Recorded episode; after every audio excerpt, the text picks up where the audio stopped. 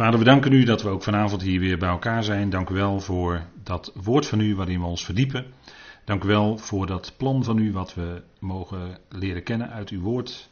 Dank u wel dat uw plan groots is, Vader, dat het heel uw schepping omvat. Dat uw liefde uitgaat naar alle mensen, naar alle schepselen zelfs. Vader, dank u wel dat u een groot God bent en dat we u mogen kennen.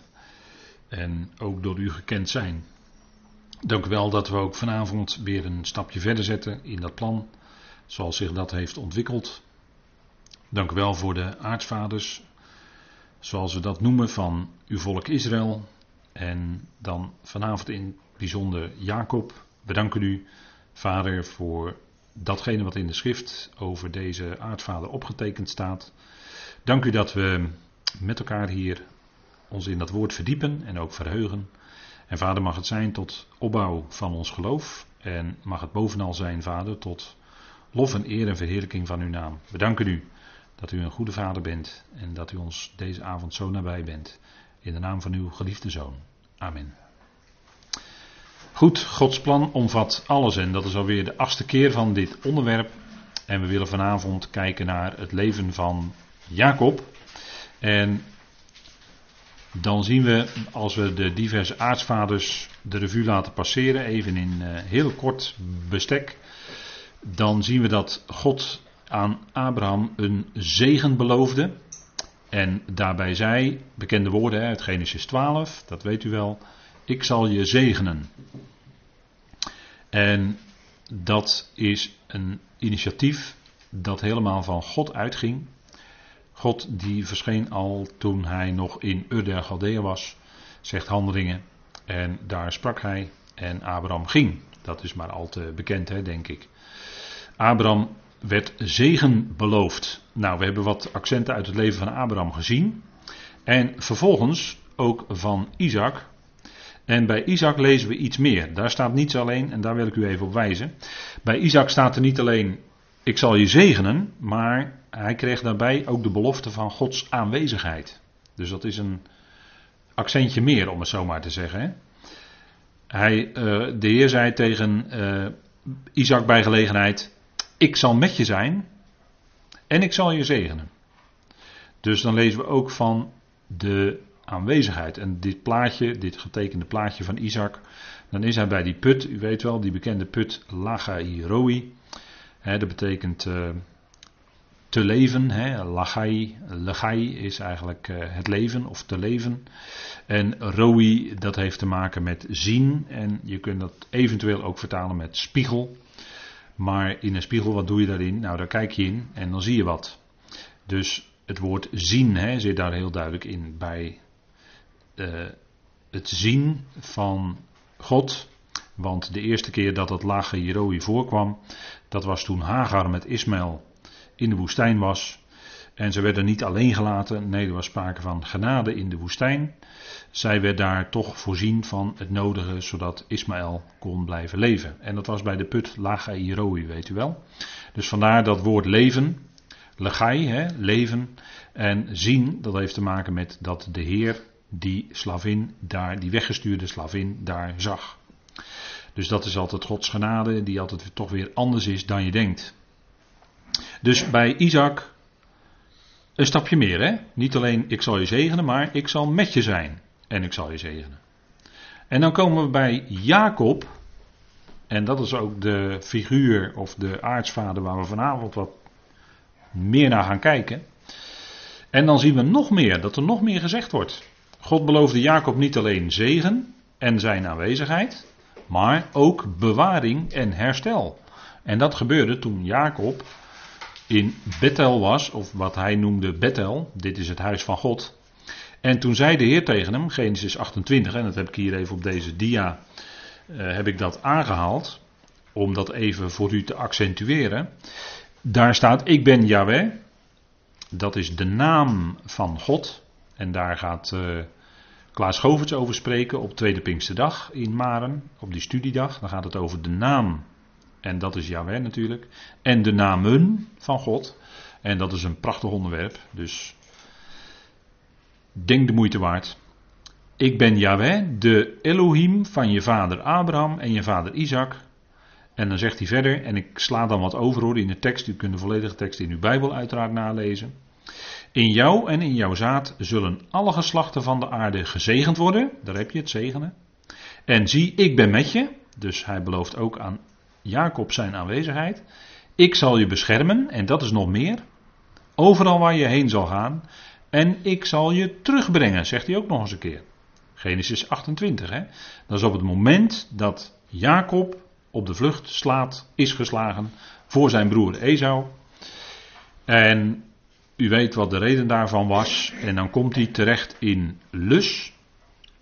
En dat noemt Jacob dan Bethel. En dit wordt dan in Bethel of bij Lus tegen hem gezegd. Dus ik denk dat dat ook weer een accent is uit uh, Genesis. Wat we meenemen. Maar we komen vanavond nog terug natuurlijk op Lus en Bethel. Want daar is natuurlijk nog wel wat meer over te zeggen. Het is een belangrijk moment in het leven van Jacob. Maar waarom nu die, uh, even dat overzichtje? Nou kijk, het punt is, als je die aartsvaders hun leven bekijkt, dan zie je dat Abraham, dat is een geweldenaar, dat is een groot vorst, die geloofde, die ging op weg, en, enzovoort, enzovoort. Kende wel misschien, zeggen wij dan, een zwakker moment in zijn leven, maar toch, Abraham was groot. Isaac is eigenlijk een figuur die veel minder veel meer op de achtergrond is. Is ook veel rustiger, is veel minder actief. Werd ook wel heel erg rijk, hebben we ook gezien. Hè? Isaac werd ook heel erg rijk op een gegeven moment. Maar Isaac is toch een figuur die minder is. En dan Jacob. Ja, Jacob. Nou, dat is een leven vol. Uh, vol heen en weer, vol activiteit, vol uh, allerlei dingen die gebeuren, allerlei dingen die hij uithaalt. En uh, wij zeggen dan het allerlei, laat ik maar zeggen, trucs hè, haalt hij uit. Nou, dat is er nogal eentje. Die is, als je het op die leest schoeit, als je het even de meetlat daar langs legt, dan is Jacob toch wel weer een stukje minder dan Isaac. Want bij Isaac kan je toch veel minder van zijn leven zeggen dat hij uh, dingen deed die nou niet helemaal in de haak waren. Dus dan zie je eigenlijk wat aardvaders betreft in sterkte een aflopende reeks. En wat doet God? God geeft steeds meer. En dat is nou juist het wonderlijke. Daar waar de mens dus daar waar steeds duidelijker wordt hoe de mens in elkaar zit. Want ik denk dat wij ons veel meer herkennen in Jacob dan in Abraham. Als we eerlijk zijn voor onszelf. Hè. Of u uh, bent misschien ook zo'n gelovige die van meet af net zoals een Abraham, geweldig allemaal. En uh, nooit verkeerde dingen gedaan. Ook niet als gelovige en dat soort dingen. Maar ik, ik weet het niet. Soms denk ik, en als soms zingen we dat, heel af en toe zingen we dat nog wel eens. Uh, gelukkig hij die de God van Jacob tot zijn hulp heeft. En dan ben ik altijd blij dat ik dat mee kan zingen. He? Want kijk, maar Jacob is, eh, komt voor ons veel menselijker over. Hè? Dat, is een, dat is iemand die maakt fouten, die, eh, die, die haalt trucjes uit om zijn eigen voordeel te halen. En eh, ja, zo zitten mensen nou eenmaal in elkaar. Dus wij herkennen ons vaak toch wat meer in Jacob, denk ik, dan in Isaac of in Abraham. Zou het zo niet zijn? Misschien wel. Maar goed, dat is voor ieder persoonlijk om dat, daar antwoord op te geven. Dat weet ik verder allemaal niet. Maar het lijkt wel alsof de, als die mens steeds minder uit de verf komt en steeds meer echt mens blijkt te zijn, Jacob, dan geeft God juist meer. Hè? Bij Jacob is het zegen plus plus. En bij Isaac was het nog zegen plus. Ziet u het? Dus God is zo genadig dat hij ook daar waar de mens wat verder wegzakt in zijn eigen vlees, in zijn eigen activiteit en noem alles maar op, dat God toch dat uh, die gelovigen vasthoudt en zelfs bewaart en zelfs Jacob weer doet terugkeren. En dat is denk ik een geweldige boodschap, want de boodschap van de schrift is terugkeer. Terugkeer sowieso naar God is te allen tijden mogelijk. Die deur staat altijd open. Bij God is er altijd. Uh, Daniel die had open vensters. Hè? Nou, dat is. Uh, die had open vensters, want die bad. En die wist, bij Jawel kan ik altijd terecht. En zo is het ook. Bij God kun je altijd terecht. Hoe dan ook, wat er ook gebeurd is in je leven. Maar bij God kun je te allen tijden terecht. Wat er ook gebeurd is. Want God is een genade God, God is liefde en die deur staat altijd open. Dus ja, die, die weg is nooit dicht. Die, God blokkeert die deur nooit. God gooit die deur nooit dicht. Nooit. Staat altijd open. En dat is het mooie, vind ik, van het leven van Jacob. Die keert ook weer terug. En dat is denk ik toch wel een thema, vind ik. Dat is wel een mooi thema, hè? terugkeer. Dat is ook een schrift, heel schriftuurlijk thema, want het is veel breder in de schrift. Nou, dan zien we een overzicht van het leven van Jacob. En uh, u heeft nu niet genoeg tijd om dat allemaal te noteren, maar ik heb het voor de, op de dia's allemaal voor u uitgeschreven. En dit is ontleend aan een bekende studie van broeder Gelesnov, Vladimir Gelesnov, die ooit het tijdschrift UR Engels is begonnen. En daarbij broeder nog heeft gevraagd of hij daarbij wilde assisteren. Dat wilde hij heel graag. En uh, zo is dat toen begonnen, ooit in 1909. En die Vladimir Gelesnov was iemand die kende heel veel talen. Die was heel diep gekneed in het Hebreeuws. Dat kende hij heel goed en heel diep. En ook in het Grieks. En hij kende nog meer talen. Het was een heel begaafd iemand. Was ingenieur. Hij was van adel, een graaf. Gaat me niet om de mensen hier op een voetstuk te zetten. Ik wil alleen maar even aangeven wie dat was. Want het, uh, hij zou de laatste zijn die dat zou willen.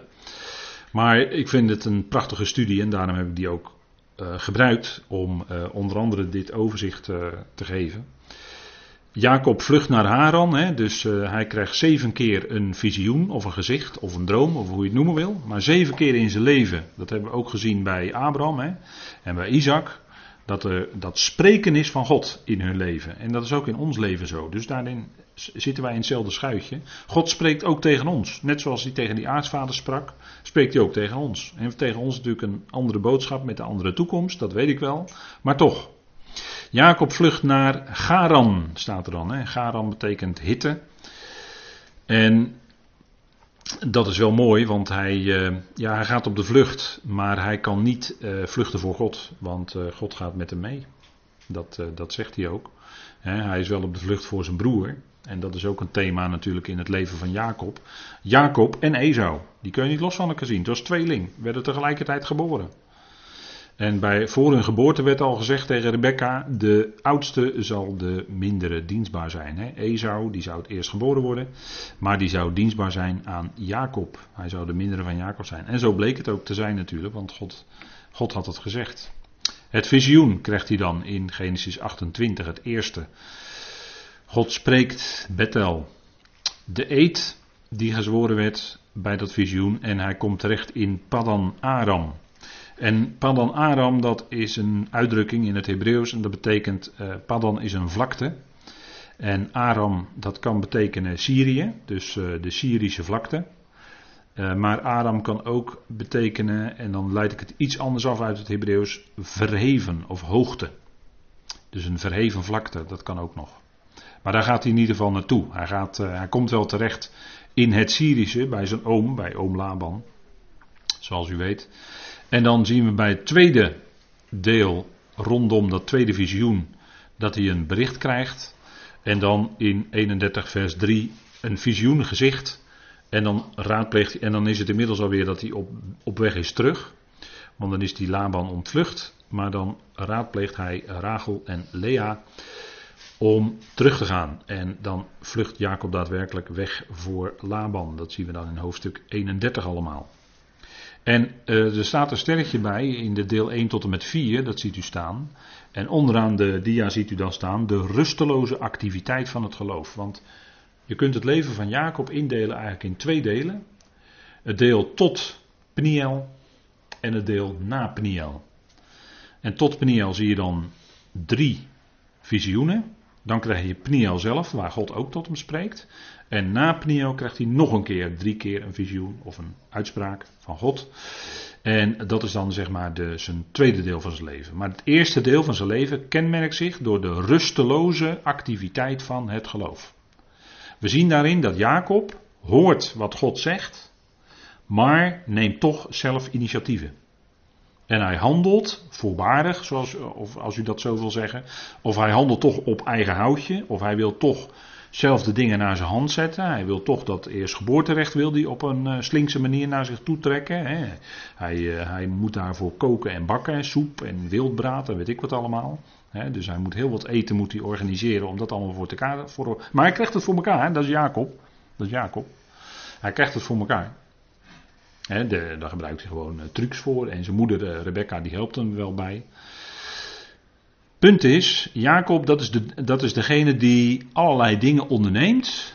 En zich ook wel daarin vastbijt. En nou staat er wel iets van Jacob, want wie was Jacob nou? Uh, ik dacht Genesis 25, laten we het even met elkaar opzoeken. Genesis 25. En dan zien we even, want het is Jacob en Esau, hè? of Esau en Jacob, hoe moet je het zeggen? Maar het is die broers, twee zoons die ook broers zijn van elkaar. Het gaat om die, ook die verhouding tussen die broers. Hè?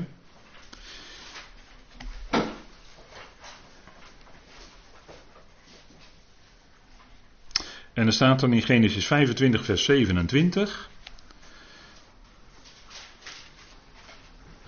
En dan werden ze, nou lees even iets, iets eerder. Uh, vanaf vers 24, want dan gaat het over hun geboorte. En toen nu de Genesis 25, vers 24. Toen nu de tijd om te baren voor haar aangebroken was, zie, er was een tweeling in haar schoot. De eerste kwam tevoorschijn, rossig, en helemaal als een haren mantel. Dus die had heel veel haar al toen hij geboren werd. Daarom gaf men hem de naam Esau. En Esau, zegt de herziende statenvertaling, kan in verband gebracht worden met het Hebreeuwse woord voor haar. Maar Esau betekent eigenlijk, en dan leid je het af van een werkwoord, een bekend Hebreeuws werkwoord. Esau betekent eigenlijk doener. Dus degene die doet. De doener. Dat is afgeleid van het Hebreeuwse woord asha en dat betekent doen of maken. Dus Esau, dat is de doener. En daarna kwam zijn broer tevoorschijn, terwijl zijn hand de hiel van Esau vasthield. Daarom gaf men hem de naam Jacob.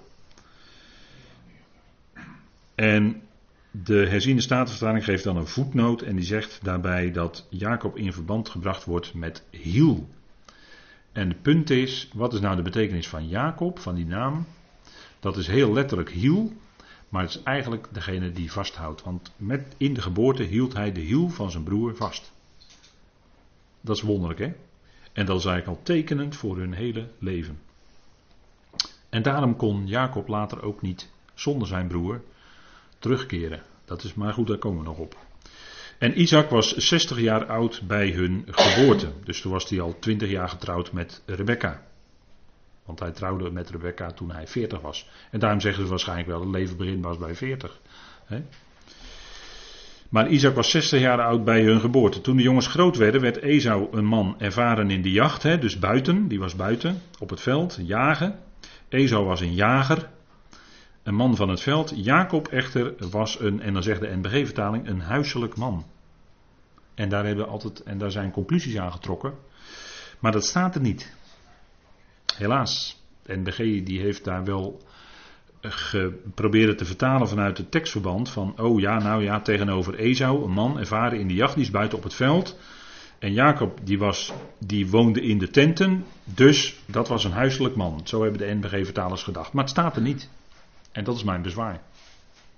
Er staat een woord in het Hebreeuws, dat is T-A-M, tam.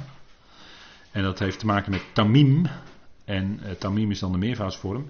Maar uh, ik, ik bedoel het niet moeilijk te willen maken, maar ik wil alleen even laten horen, heel even laten horen dat staat er. Maar tam betekent in het Hebreeuws iets dat gaaf is, iets dat volkomen is. Dat wil zeggen, er zit veel meer in dat Jacob en de statenvertalers en de herziende statenvertalers, die hebben het ook vertaald met oprecht. Ja. En dat is veel meer, dat is in ieder geval veel meer naar het Hebreeuwse, doet veel meer recht aan het Hebreeuwse woord. En NBG is er dus helemaal bij weggegaan. Jacob was een huiselijk man. Nou, daar hebben ze aan verbonden dat Jacob uh, misschien wel een, een, een slap figuur was of zo, weet ik veel. Maar dat was helemaal niet waar. Jacob was een oprecht man. Hij was gaaf, hij was heel, hij was iemand uit één stuk zou je kunnen zeggen. Uh, geen dubbele bodem, gewoon oprecht. Gewoon, hij, en Jacob was dan iemand die beet zich in iets vast en die wilde dan ook bereiken. Als, en daar stond hij dan ook met zijn hele persoon stond hij erachter. Vanuit God gezien of hij dan in geloof bezig was, dat is wat anders. Maar hij ging daar wel helemaal voor. Dus Jacob was een oprecht man. dat woord huiselijk moet voor eens en voor altijd, vind ik, uit onze gedachten weg. Maar dat klopt gewoon niet. En hij woonde weliswaar in tenten. Ja, goed, dat, dat kan. Maar dat was Abraham ook, die woonde ook in tenten. Isaac had Esau lief, omdat hij graag wildbraad at. Dus die uh, keek daarnaar, die had le graag lekker stukje vlees op bord. En Rebecca daarentegen had Jacob lief. En dan weet u hoe dat eerstgeboorterecht dan door Jacob bemachtigd wordt. Maar ik wilde dat even, vond ik een sterk punt. Jacob was een oprecht man. Uit één stuk. Gaaf. Geheel volkomen. Dat is de gedachte. Niet zonderloos, maar wel volkomen. dat is uh, wel een punt bij dat woord. Nou, dan zien we, de, dat zijn de eerste twee uh, aspecten, de eerste twee visioenen van het eerste deel van het leven van Jacob hebben we gezien. En dat is nog steeds de rusteloze activiteit van het geloof. Want ook tijdens de periode bij Laban was er nooit rust. Er was altijd, er was altijd bonje tussen Laban en Jacob.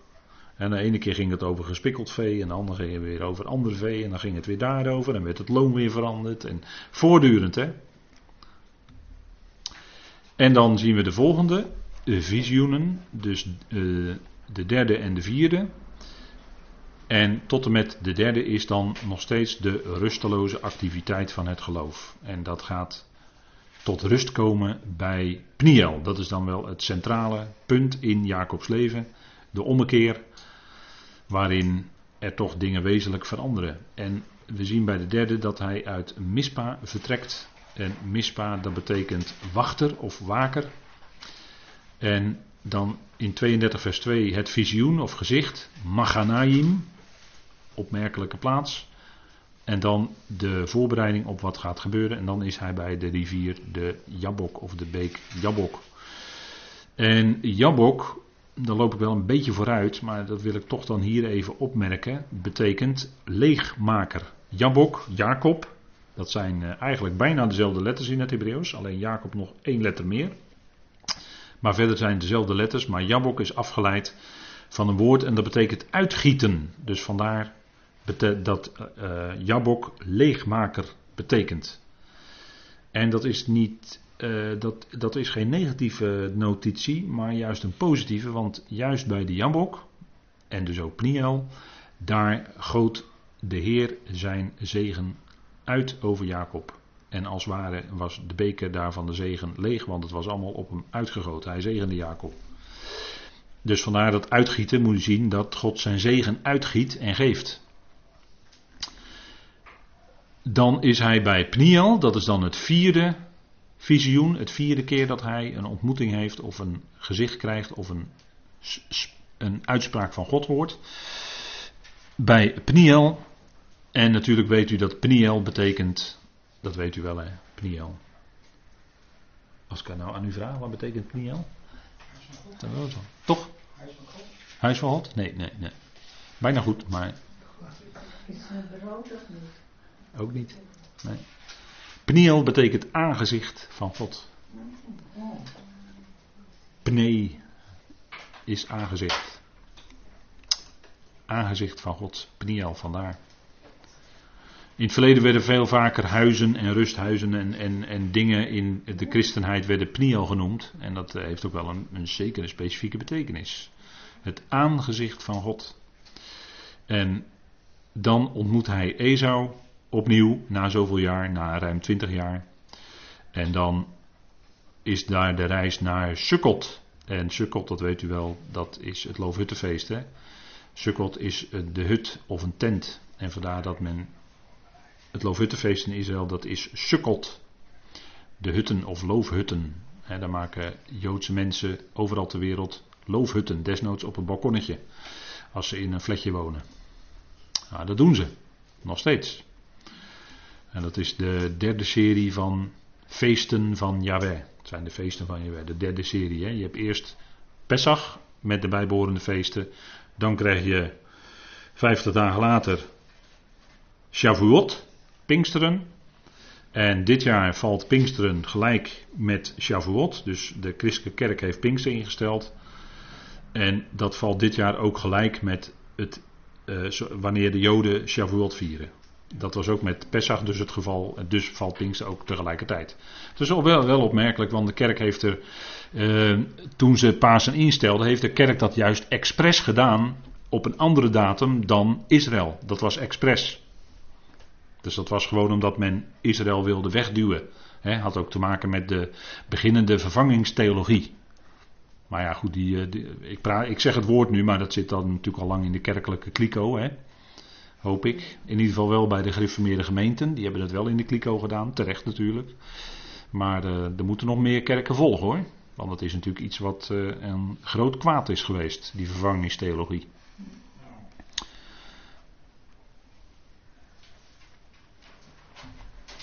Maar goed, daarover uh, laat ik daar maar weer over stoppen, want. En dan zien we het tweede deel van het leven van Jacob op deze dia na Peniel. En dan is het de rustvolle activiteit van het geloof. Er zijn nog steeds activiteiten, want de gelovige heeft altijd activiteiten. Ik denk dat de gelovige altijd wel actief is. Alleen, het punt is, hoe ben je actief? Is dat vanuit de rust? Dus vanuit de genade? Of zit daar nog een aspect eigen dingen bij, eigen vlees, eigen activiteiten, zelf graag bezig willen zijn, jezelf graag een naam willen opbouwen in enzovoort. Hè. Of je zelf je, je, club, je club die je groot wil maken, groot maken en promoten en eh, noem maar op. Hè. Uit zijn op aantallen en op eh, grote collectes en grote gebouwen enzovoort. Ben je nog zo bezig, dan is dat de rusteloze activiteit van het geloof. Maar de rustvolle activiteit van het geloof is dat je volledig leeft vanuit genade. Is er wel volop activiteit, maar je leeft in en vanuit de genade. En die genade is, zoals u weet, overstromend in deze tijd. En ik, dat is wel eens onder, dat is onderbelicht hoor, bij veel christenen, helaas, helaas. De overstromende genade, daar leven wij in. Dat is ons leefklimaat. Wat wil je nou nog meer? Eigen werken, dan doe je het weer teniet. Want ze sluiten elkaar uit. Genade en eigen werken sluiten elkaar uit. Dat kan niet, kan niet samengaan, zegt Paulus. En dat willen we dan ook niet. Als je dat eenmaal goed tot je door is gedrongen, dan wil je dat ook niet meer. Maar dan is er wel volop activiteit, alleen het is vanuit de rust van het geloof. Dat is het punt, hè? groot verschil. Nou, dat zien we dan in het tweede deel van Jacobs leven. Daarin zien we ook dat Jacob zich direct opstelt, onderschikkend aan het woord wat God heeft gegeven. En niet meer zijn eigen, eh, de dingen naar zijn eigen hand probeert te zetten. Of eerder de dingen naar zich toe wil halen dan wat God het bedoeld heeft. Hij past zich direct aan aan dat wat God zegt. Dat kenmerkt eigenlijk het tweede deel van het leven van Jacob. Dus daar is Pniel beslissend voor geweest. Vanaf dat moment liep hij ook mank. Hè? Er was iets met zijn heup gebeurd. Tegenwoordig zetten we dan een kunstheup erin. Maar er was iets met zijn heup gebeurd. En sindsdien liep hij mank. Dus het was te zien. Maar het was, ook niet, het was dan ook niet langer Jacob, maar het was Israël. Hè? Het was vanaf dat moment echt oprecht met God. Want dat betekent Israël ook. Israël kan je ook meerdere keren meerdere dingen afleiden. Maar goed, het betekent ook uh, oprecht met God. En vanaf Pniel was het bij Jacob helemaal oprecht met God. Toen heette Jacob ook Israël. Hij was in Sichem, daar kreeg hij ook een visioen, gezicht. En toen reisde hij weer naar Bethel. Dus hij keerde terug naar Bethel. Punt, hè? Punt. Hij keerde terug. Dan krijg je in 35 vers 8 de dood van Deborah. Dat betekent bij. Deborah, mooie betekenis. Bij of honing bij. En in Deborah zit natuurlijk helemaal de naam Dabar. Dat is natuurlijk het woord. En Deborah is dan de vrouwelijke vorm van dat woord Dabar. En dat betekent bij. En die is bezig met honing. En honing is in de schrift een beeld van het woord van God. Want de profeet moest bij gelegenheid de boekrol opeten en dan smaakte het zoet als honing. En honing in de Bijbel is ook vast. Hè? In het wild, als je honing tegenkomt, is het vast. Is het niet zo vloeibaar zoals wij in een potje en dan s'morgens op onze brood kunnen uitgieten. Die honing niet. Dat is allemaal aangepast, dat is allemaal bewerkt. Nee, honing in de natuur is vast. Dat is een hele vaste klomp. En dat is ook een beeld van het vaste voedsel uit de schrift. Je hebt eerst melk, hè, het is een land vloeiende van melk en honing. En melk staat dan voor de grondbeginselen van Gods woord. Dus wat je als klein kind drinkt. Maar als je opgroeit naar volwassenheid, dan ben je toe aan de honing, de vaste spijzen. En dat zijn de diepere dingen van het woord. En dat is wat Paulus nog niet aan de Corinthiërs kwijt kon. Die zegt: Ik kan jullie alleen nog maar melk geven. Jullie zijn nog, toch nog niet toe aan de vaste spijs, oftewel aan de honing. Punt, hè? En zo, er is natuurlijk wel veel meer te zeggen over honing, maar eh, zo wordt het in de Bijbel, en dan zitten we weer, typologie in de natuur, Wordt in de Bijbel natuurlijk heel veel dingen aan de natuur ontleend die een geestelijke betekenis krijgen in de Bijbel. En daarom kun je het altijd goed herkennen. Deborah, bij, mooie betekenis hè. Het visioen of gezicht en dan de reis naar Efrata. Efrata. Dat is de plaats die vrucht geeft. Dat is heel mooi, hè? mooie betekenis. U hoort erin ook de naam Ephraim. Hè? Efrata, Ephraim. Ephraim betekent dubbele vrucht. En bij Efrata, wie werd daar geboren? Bij Rachel, wie werd daar toen geboren? Benoni, ja, ze zei zoon van mijn smart. En Jacob veranderde het, hij zei nee, Benjamin. Maar ze zei Benoni, want het is de zoon van mijn smart. Want zij had hevige smart en zij stierf zelfs bij die geboorte. Dus zij moest het leven laten om Benjamin geboren te laten worden. Dat is wat. Dat is wat. Maar Benjamin betekent zoon van mijn rechterhand. En Benjamin staat in de Bijbel voor het gelovige overblijfsel. Paulus behoorde ook bij het gelovige overblijfsel van Israël in zekere zin. En hij zei bij gelegenheid dat hij hoorde bij de stam Benjamin. dat weet u wel uit eh, zijn brieven. Maar Benjamin is voor het, eh, staat in de Bijbel dan in de loop van de geschiedenis voor het gelovig overblijfsel.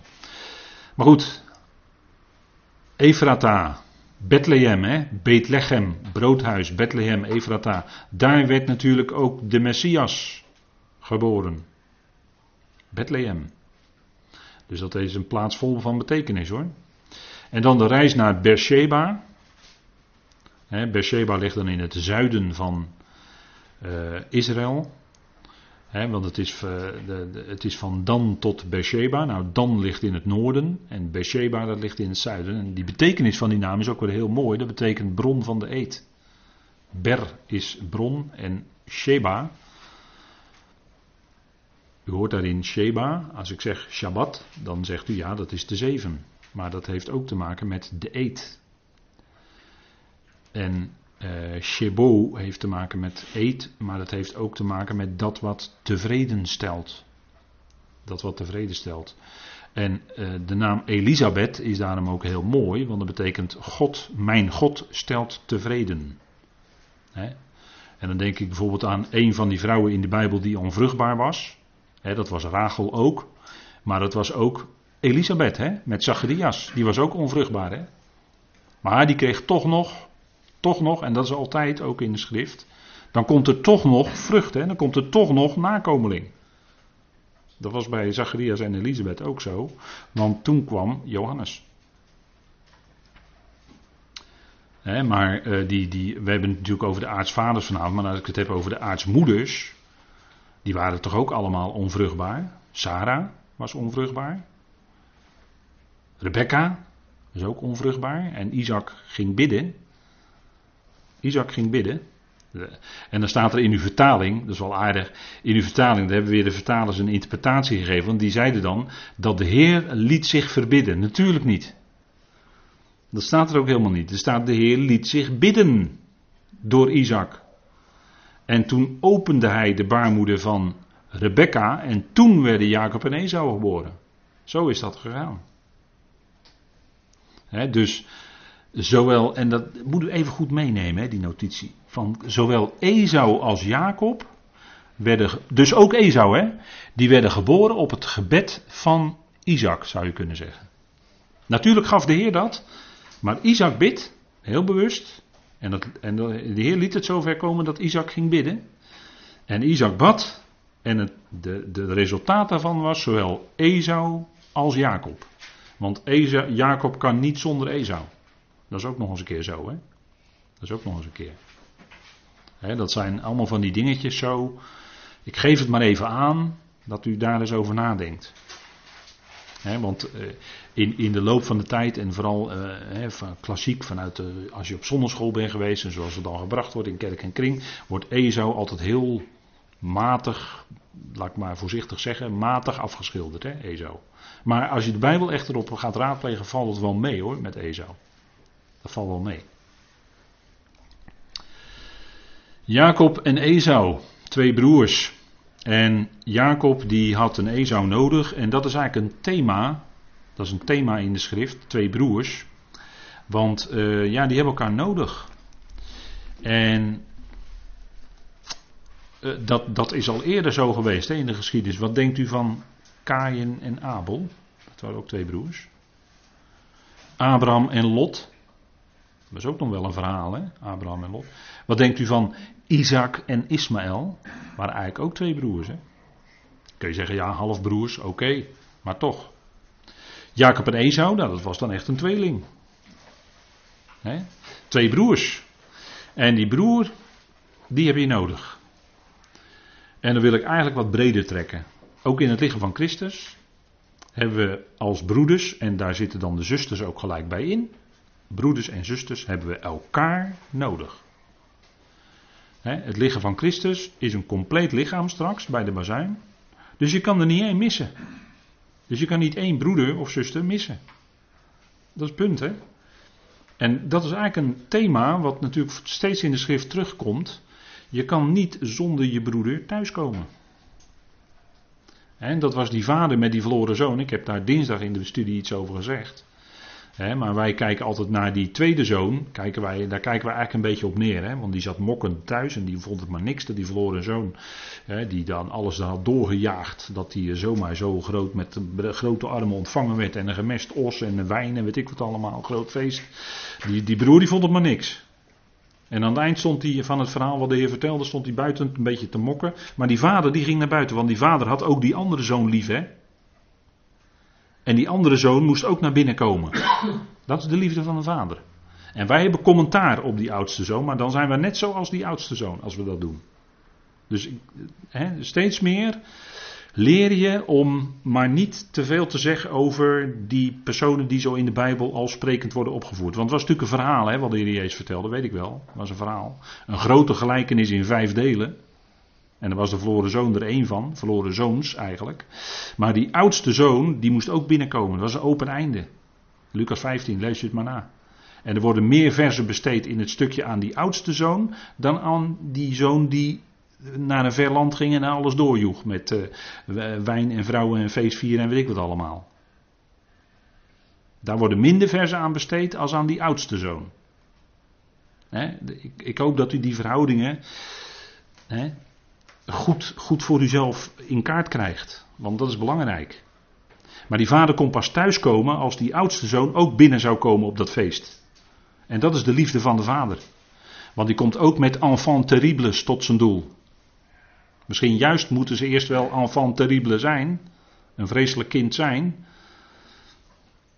Want dan kan je zien hoe diep die liefde van die vader reikt. En van God de Vader dus, bedoel ik. Voor al zijn schepselen, ook voor het ergste enfant terrible. En eh, kijk, dat is heel mooi, want ik vind het een prachtige tekst hier uit Malachi. Hè? Kijk, Malachi is eigenlijk een mooie profeet, dacht ik. Want welke profeet in het Oude Testament begint er nu met: Ik heb u lief? Dat is het begin van Malachi. Wat God zegt: Ik heb je lief. Welke, welke profeet begint daar nog meer mee? Geen enkele. Een prachtige profeet hoor, Malachi. Eerste wat hij zegt. Ik heb je lief, zegt Yahweh. Tegen zijn volk. Maar jullie zeggen, en dat is natuurlijk een hele bekende tekst, hè. Maar jullie zeggen, waarin heb u ons lief gehad? Hè, dat is het volk. Was Esau niet de broer van Jacob, spreekt Yahweh? Toch heb ik Jacob lief. En Esau, ja, in de vertaling, oh, dat hebben ze weer dat haten vertaald. Hè. Dat is vreselijk. Schrappen. Eigenlijk het woord wat er staat, dat heeft te maken met achterstellen. Niet haten, achterstellen of op de tweede plaats stellen. Als je dat concordant opzoekt hè, in een concordantie en je zoekt al die vindplaatsen op van het woord, dan kun je echt niet volhouden dat daar haten moet staan. Maar dat is ook weer zo'n gedachte van de vertalers, die met uit, en een verkeerde uitverkiezingsleer enzovoort in hun hoofd zaten. En die hebben dat met het woord haten vertaald. Volkomen ten onrechte. Dat geldt ook voor, uh, ga ik zo zeggen, voor een ander woord wat onlangs breed in de Nederlandse pers kwam. Maar God zegt, toch heb ik Jacob lief, want het volk zou zich meer herkennen in Esau. Het doen, het doen, het doen, hè, dat kenmerkt de Jood. Hè. Wij doen, wij doen zoveel dingen, wij willen onze eigen gerechtigheid bewerken. Daarin zijn ze eigenlijk veel meer Esau, de doener. Terwijl Jacob, ja, Eigenlijk, maar aan de andere kant is Jacob ook wel een beeld van het volk Israël hoor. En de geschiedenis van het volk. Maar de Heer zegt, toch heb ik Jacob lief en Esau stel ik achter. Esau stel ik op de tweede plaats.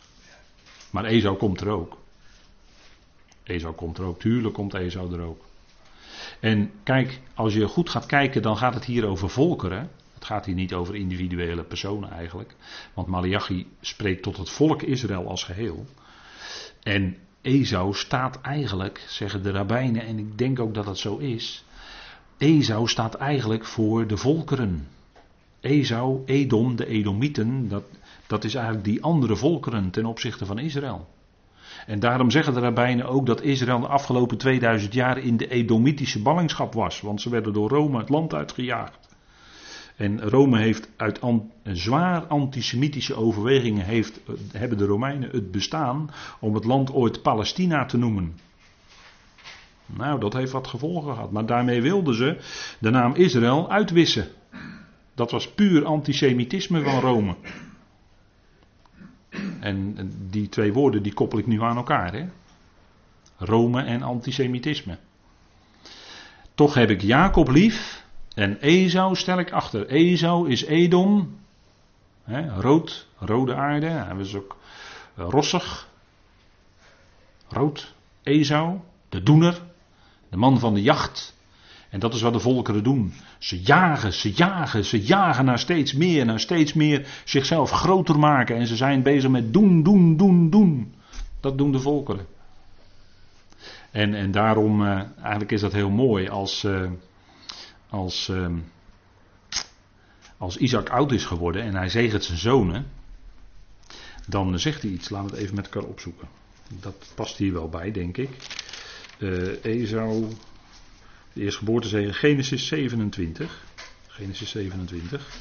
Want kijk, Jacob en Esau staat voor Israël en de volkeren. Eigenlijk, hè. als je die lijn gaat zien, dan ga je weer meer in de schrift teruglezen wat er bedoeld wordt.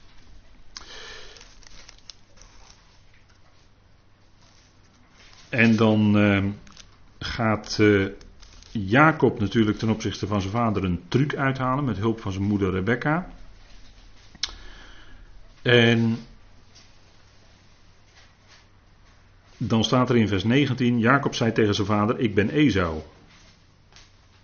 Dus uh, ja, dat is natuurlijk toch de truc, hè? Ik ben Esau. Dat was niet waar natuurlijk. Uw eerstgeboren, ik heb gedaan wat u mij gezegd hebt. Richt u toch op, ga zitten en eet van mijn wildbraad, zodat uw ziel mij kan zegenen. Isaac zei erop tegen zijn zoon: Hoe is het dat je zo snel gevonden hebt, mijn zoon? Hij zei: Omdat Yahweh, uw God, het mij heeft laten tegenkomen. Dus ja, dat klonk wel een beetje mooi, hè? erg te mooi eigenlijk. Isaac zei tegen Jacob: Kom toch wat dichterbij, zodat je kan betasten, mijn zoon, of je werkelijk mijn zoon Esau bent of niet. Toen kwam Jacob dichter bij zijn vader, Isaac, en die betastte hem. Hij zei: De stem is Jacobs stem, maar de handen zijn Esau's handen. Hij herkende hem dus niet, omdat zijn handen net als de handen van zijn broer Esau behaard waren. En hij had natuurlijk wat van geitenvel over zijn handen getrokken, over zijn armen. En hij zegende hem.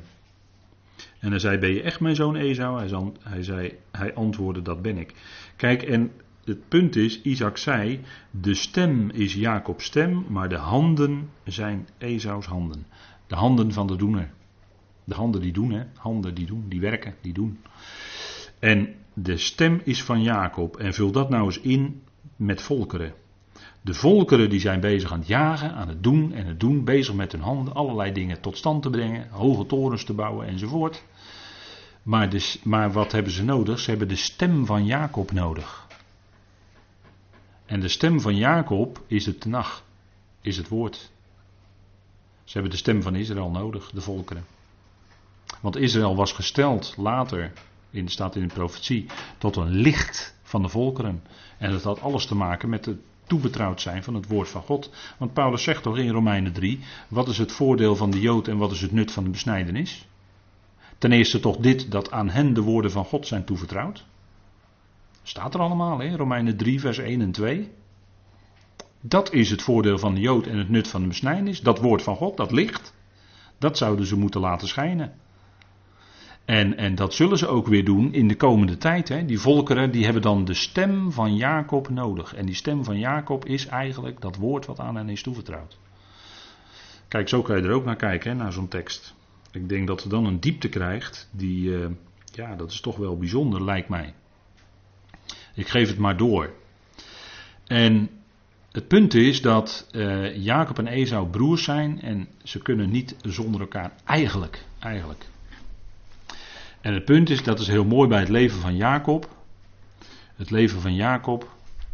Het kenmerkt zich door geloof, hè, want het gaat hier om de voorbeelden van geloof. Maar ook eigenzinnigheid. Hè. Jacob handelde eigenzinnig. Uh, ik kan ook zeggen eigenwijs. En dat uh, kleeft ons als gelovigen ook nog wel eens aan. Hè, dat we hier en daar uh, wat eigenwijs zijn. Anders zou Paulus toch niet in Romeinen 12 hoeven zeggen: wees niet eigenwijs. Anders zou je dat niet hoeven zeggen. Maar zei het wel. Dus bij gelegenheid zijn gelovigen nog best wel eens eigenwijs hoor. En eigenzinnig en zo. En dat is nou het mooie, dat Gods genade werkt dan toch door. Hè?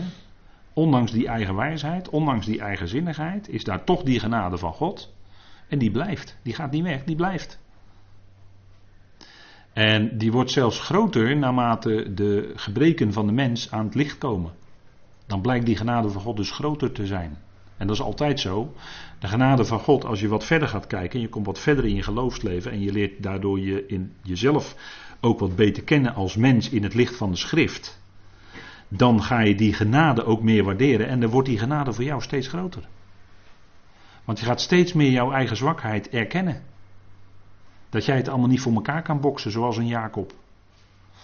Maar dat je toch echt de dingen uit handen zal moeten geven. En dan blijven in je leven vol met activiteit hoor. Dat, dat is, maakt geen enkel verschil. Maar dat je de dingen wel uit handen moet geven. En dat je het overgeeft aan God die met zijn genade dan doorwerkt. En dan kan het best zijn dat dingen waar jij je zo vreselijk aan getrokken hebt en voor ingespannen hebt en het lukte me niet en het lukte me niet en je laat het los, dat heel wonderlijk God met zijn genade werkt. En dan gebeurden er ineens dingen. En je dacht, dat, dat had je niet meer voor mogelijk gehouden. Dat kan, dat kan. En dat is als die mens leert om heel bewust dingen los te laten. Dat is, dat is soms een van de moeilijkste dingen voor een mens. Echt dingen te kunnen loslaten. En niet langer als een Jacob te zijn, de vasthouder. Maar ze los te laten en ze over te geven aan God. Want er is die grote God die veel machtiger en groter is dan dat wij zijn. En wij maken maar in ons leven, wij maken maar 60, 70, 80, 90 jaar mee. Maar dat is maar een zucht. En lang, lang daarvoor was God er al. En lang nadat wij op aarde geleefd hebben, zal God er ook nog zijn. Dus die is veel en veel groter dan dat wij zijn. En wij hebben ons leven dan hier om God te leren kennen. En we leren hem steeds dieper kennen, stapje voor stapje, net als een Jacob. Dus eigenlijk is dat leven van Jacob wel mooi, want daar herken je zoveel van jezelf in. En ik denk, dat mede daarom dat in, in de schrift staat opgetekend. Dat is een van de redenen, denk ik. En de eerste periode, God spreekt. En Jacob gaat toch zijn eigen weg. God heeft hem gezegend, dus die zegen blijft. Dat neemt God niet terug. Die kon hij niet verspelen. En dat geldt voor ons precies eende. We zijn gezegend met iedere geestelijke zegen. Te midden van de hemelingen in Christus. En wat er ook gebeurt, hoe we ook ons eigen weg gaan, we verspelen die zegeningen niet. Dat is onmogelijk. God heeft ze gegeven, net zoals die ze aan Jacob gaf. Dat waren dan hele andere zegeningen. Maar die kon ze ook niet verspelen door zijn gedrag. En zo ook wij. Kunnen ook niet verspelen. Wat een genade? Wat een genade. Weet u, daar ben ik zo blij mee dat het zo is. En dat geeft me zoveel rust. En daardoor kan ik s'nachts slapen.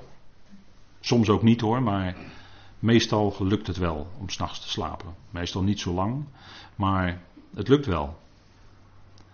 En kijk, als ik niet zou weten van die genade, ik denk dat het mij heel veel nachtrust zou kosten. Maar als je geleerd hebt om werkelijk, werkelijk te rusten in de genade van God. Ja, dat is iets geweldigs. Dan heb je ook vrede. dat, is het, dat is automatisch ook het gevolg daarvan. Dan zegt u je verzoening. Ja, maar de verzoening is toch ook genade? En waarom begint Paulus dan elke brief met genade en vrede, zijn jullie? Nou, dat vloeit natuurlijk uit elkaar voort. Dat is logisch. En het gaat niet om Esau zijn handen. Nee, het gaat om God. Het gaat om de hand van God in uw leven. Daar gaat het om. En dat is wat we ook zien in het leven van Jacob. Hij ging uh, bij gelegenheid zijn eigen weg, maar er komt op een gegeven moment een punt, Pniel. En ik denk dat in, in het leven van een gelovige misschien wel een keer, of misschien zelfs wel meerdere keren, een Pniel moment komt. Dat kan. Dat je God echt, uh, dat God echt even, even zijn hand zo houdt, zo van ik, nu even stoppen, dan zet ik je even stil. En laat ik je even nadenken. En dat is ook zijn genade. Dat is geen straf, maar dat is zijn genade. voor de gemeenteleden praten we nooit over straf. Nooit. Kan niet. Onmogelijk. Maar dat kan wel zijn dat God je stilzet. Dat is Pniel. Ik denk dat dat ook in het leven van Jacob een kenmerkend punt is. En God spreekt, dat is dan de tweede periode van Jacobs leven. God spreekt en Jacob handelt nu niet langer eigenzinnig, maar ootmoedig. Dat is een groot verschil. En het woord ootmoedig hebben we in dagelijks spraakgebruik, hoor je niet meer. Maar als het goed is, als gelovigen weten wij dat wel wat dat is. Dat is tegenovergestelde van hoogmoedig. Even goed om de dingen even te benoemen. Even tegenover elkaar zetten. Contrasten werkt altijd heel goed. Licht en duisternis. Hoogmoedig en ootmoedig. En ootmoedig is de gezindheid. Ja, dan ben je laag. dat zegt het Griekse woord laag. Als u de Filipijnse studies volgt, dan hoort u, hoort u dat regelmatig. dan stel je niet meer hoog op, maar dan weet je je heel laag. Ootmoedig dus. Omdat je weet dat die grote God handelt. Ja, en wie ben jij dan? Jacob en Esau. En dat heb ik al net met. Ik heb even vooruitgelopen op deze dia. Maar Jacob en Esau. Het is de stem van Jacob, zei Isaac. Maar het zijn Esaus handen. En dat is tegenover elkaar. En Israël en de volkeren hebben elkaar ook nodig. Hè? Die kunnen niet zonder elkaar. Maar Israël zal tot zegen zijn voor de volkeren in de komende duizend jaar. Dat zal een geweldige tijd zijn. En ook daarna trouwens, op de nieuwe aarde, is Israël ook nog steeds, uh, zijn het nog steeds regenten, regeerders. Maar niet lange priesters hè, op de nieuwe aarde. Dat is dan voorbij. Maar goed, dat is uh, de studie openbaring. Dan krijgen we het eerste visioen, het eerste gezicht. En dat is Bethel. Dat is uh, Lus. Jacob is op de vlucht voor zijn broer, want hij heeft zijn broer getrukt. En hij is er vandoor gegaan met de eerstgeboortezegen. En hij gaat dan op de vlucht, zoals u weet. Rebecca die helpt hem en zegt: Je moet maken dat je wegkomt. En hij gaat dan vluchten richting de familie, richting oom Laban. En dan komt hij in Genesis 28 in Bethel. Laten we maar even met elkaar lezen, Genesis 28. En dan begin ik met u even te lezen in vers 10. Ik heb op deze dia even vers 12 tot 15 gezet, maar goed, dat uh, lezen we even vanaf vers 10. Hè. En dan uh, zien we uh, lust, dat betekent, we zullen het zo zien. Jacob nu vertrok vanuit Beersheba, bron van de Eed, en ging naar Garan, de hitte. En hij bereikte de plaats waar hij overnachtte, want de zon was ondergegaan. Heel tekenend, hè? Jacob is op de vlucht en er wordt hier gezegd: de zon was ondergegaan. En in zekere zin, in Jacobs leven gold dat ook, hè? Het was een afwijking. Jacob kon niet blijven in het land wat hem beloofd was, maar hij ging weg. De zon ging onder. En hij nam van de stenen van die plaats, maakte daar zijn hoofdkussen van en legde zich op die plaats te slapen. En nu geeft God de beminde in zijn slaap, dat weet u wel hè, uit de psalmen. Maar dat was hier ook het geval, want hij droomt en zie op de aarde stond een ladder en waarvan de top tot de hemel raakte en zie engelen van God klommen daar langs omhoog en omlaag. En dat zou hij later nog een keer, die boodschappers van God zou die later nog een keer tegenkomen. Dat is wel opmerkelijk hè. Maar die steen, hij legt daar een steen als zijn hoofdkussen. En de steen, weet u, in de schrift is eigenlijk een type van Christus. Paulus die zegt dat. Maar als we kijken bijvoorbeeld in enkele teksten waar dat woord steen voorkomt, dan zien we in 1 Samuel 4 bijvoorbeeld Ebenezer, steen van hulp, steen van de hulp. Eben Haezer. En in het Hebreeuws, als je, die, als je dat woord steen, Eben, daar zit zowel het woord vader als zoon in. Van Ab is vader en Ben is zoon. dus die, het woord Eben, dat is de steen. Maar dat is eigenlijk, dat is eigenlijk een, een samenvoeging van de woorden, de Hebreeuwse woorden vader en zoon. Dat is eigenlijk wel opmerkelijk, vind ik. Maar Eben is de steen van hulp. Dat wil niet zeggen voor ons dat wij, eh, dat wij 80% doen en dat de Heer ons helpt voor dat wat wij niet kunnen. Zo wordt er door christenen wel eens gedacht. Maar ik denk dat daar toch een dikke streep doorheen moet. En dat moest Jacob ook leren. God was niet alleen zijn hulp. Nee, het zou blijken dat God alles doet. Dat hij volledig voor alles aangewezen is op God. En dat zijn wij ook. want helper, als God onze helper is, wil niet zeggen uh, wij doen de helft en God doet de helft of zo. Dat zou nogal van onze kant wat hoogmoedig zijn, als ik het eufemistisch zeg. Maar we gaan leren dat God alles doet. Dat we voor alles van ons leven afhankelijk zijn van God. Steen van hulp. En die steen, die was er ook toen Goliath gevloerd werd hè, door David. U weet wel, die herder die uh, in zijn herderstas vijf stenen deed. En een van die stenen die trof Goliath in het voorhoofd. Dus ging door zijn, uh, daar zat geen wapenrusting, daar zat geen helm. Hij trof hem in het voorhoofd en hij doodde daarmee Goliath. Hè. Hij, sloeg zijn, hij sloeg zijn hoofd ook af met zijn eigen zwaard. Zo versloeg David Goliath. Hoe? Door die steen. David kon die strijd aan. Waarom? Omdat hij wist dat Yahweh. Omdat het de strijd was van Yahweh. Daarom. Daarom kon hij die strijd aan. Kleintje David tegen grootje, grote Goliath. Hè? Spreekwoordelijk altijd. Prachtig verhaal natuurlijk voor de zonderschool. Maar daar zitten geweldige beelden zitten daar natuurlijk in. En die steen, die steen ook, is ook een beeld van de Christus. Hè? Die later, die later de grootste vijand van Israël zal uitschakelen. Want Goliath is dan een type van de wetteloze. Of van de antichrist zo u wilt. Maar die zal geveld worden, die zal verslagen worden door de steen, de Christus namelijk. En dat geldt ook in Psalm 118, een bekende tekst die regelmatig eh, aangehaald wordt in de Griekse schrift. De steen die de bouwlieden, en de bouwlieden dat zijn de leiders van Israël, hebben afgekeurd, is geworden tot hoeksteen, tot uiterste hoek. Dus de belangrijkste steen van het hele bouwwerk. En daarmee wordt verwezen naar de Heer, naar de Heer Jezus Christus. Hè? Die steen.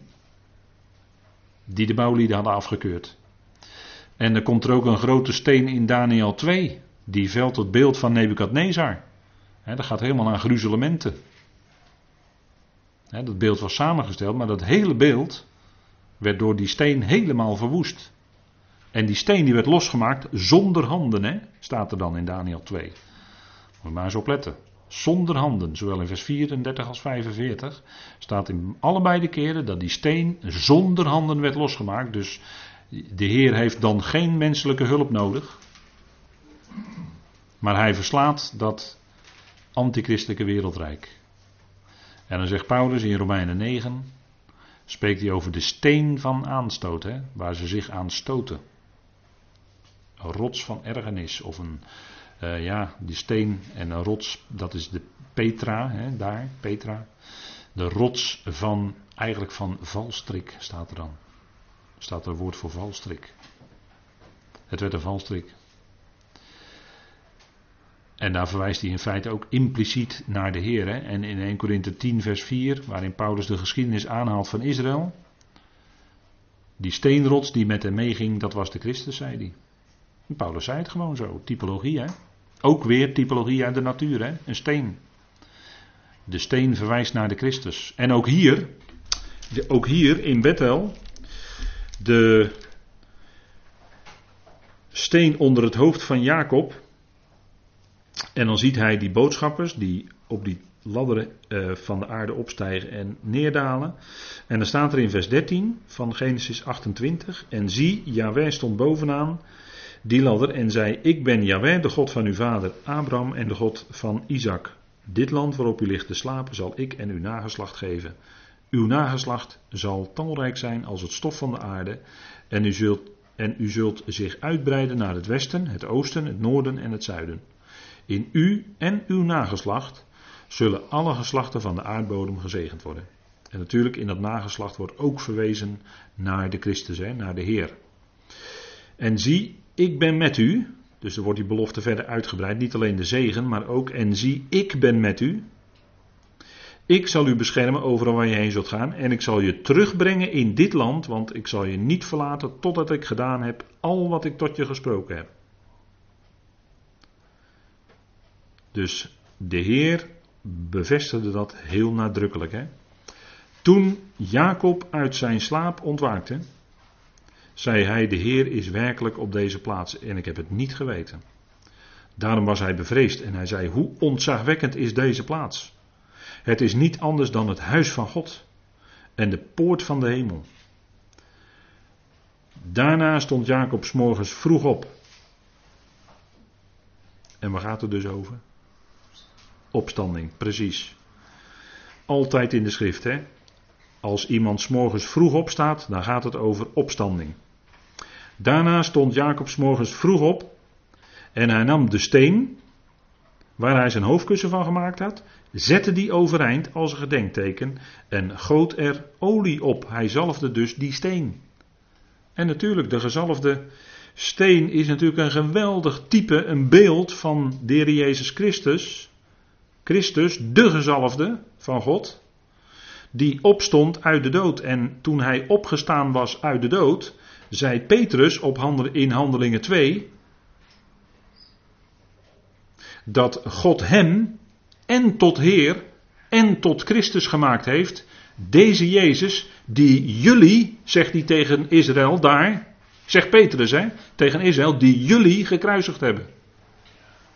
En dan zegt u technisch gesproken, de Romeinen hebben het gedaan. Zeker. Alleen Petrus zegt daar door de Heilige Geest geleid, jullie huis Israëls hebben hem gekruisigd. En deze Jezus heeft God tot Heer en tot Christus gemaakt. Hoe in zijn opstanding. De gezalfde. En daar is dit gebeuren wat Jacob doet hier een type van. Een uitbeelding van. Kijk, en dan krijgt de schrift betekenis, hè? Want als je dit weet, vergeet je het nooit meer.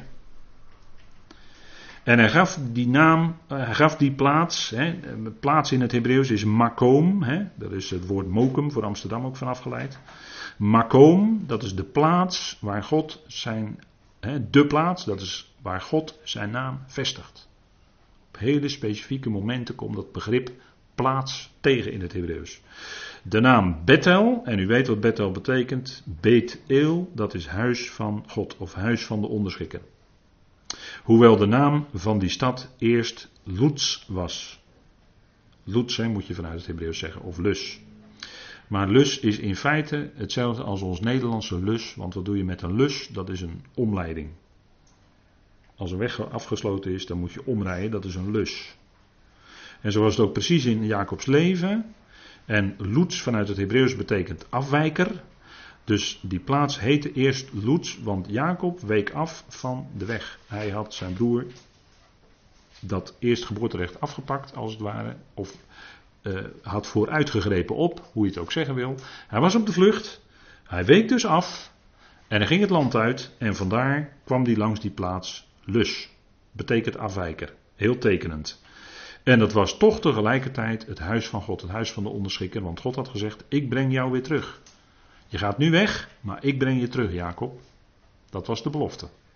En zo zou het ook gaan.